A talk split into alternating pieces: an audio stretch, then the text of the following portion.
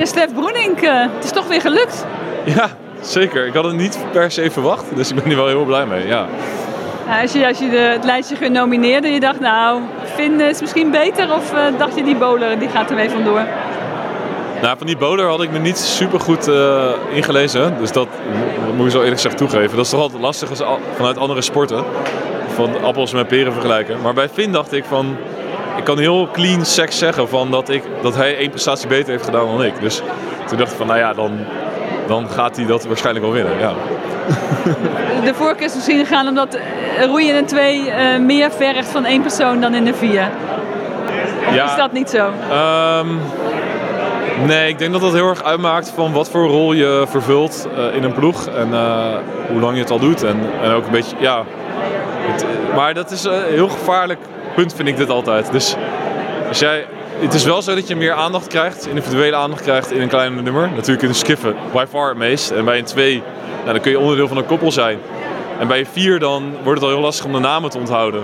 Maar bij een 8 dan heeft het wel weer eh, de allure van een grote boot met, met acht eh, mannen en, eh, en een stuur. Dus misschien dat de 4 wel het meest ondankbaar is wat dat betreft.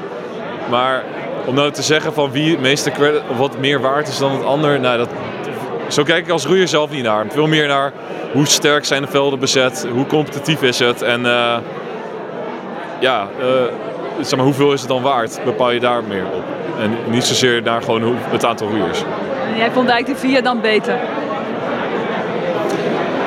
Nou, nee, nee, ja, nee ik, ik weet het niet. Ik probeer, ik probeer er gewoon bescheiden te blijven. dus eh, dat is het vooral, ja. Terwijl je nu weer gewoon eh, sportman eh, van dit jaar bent van Leiden.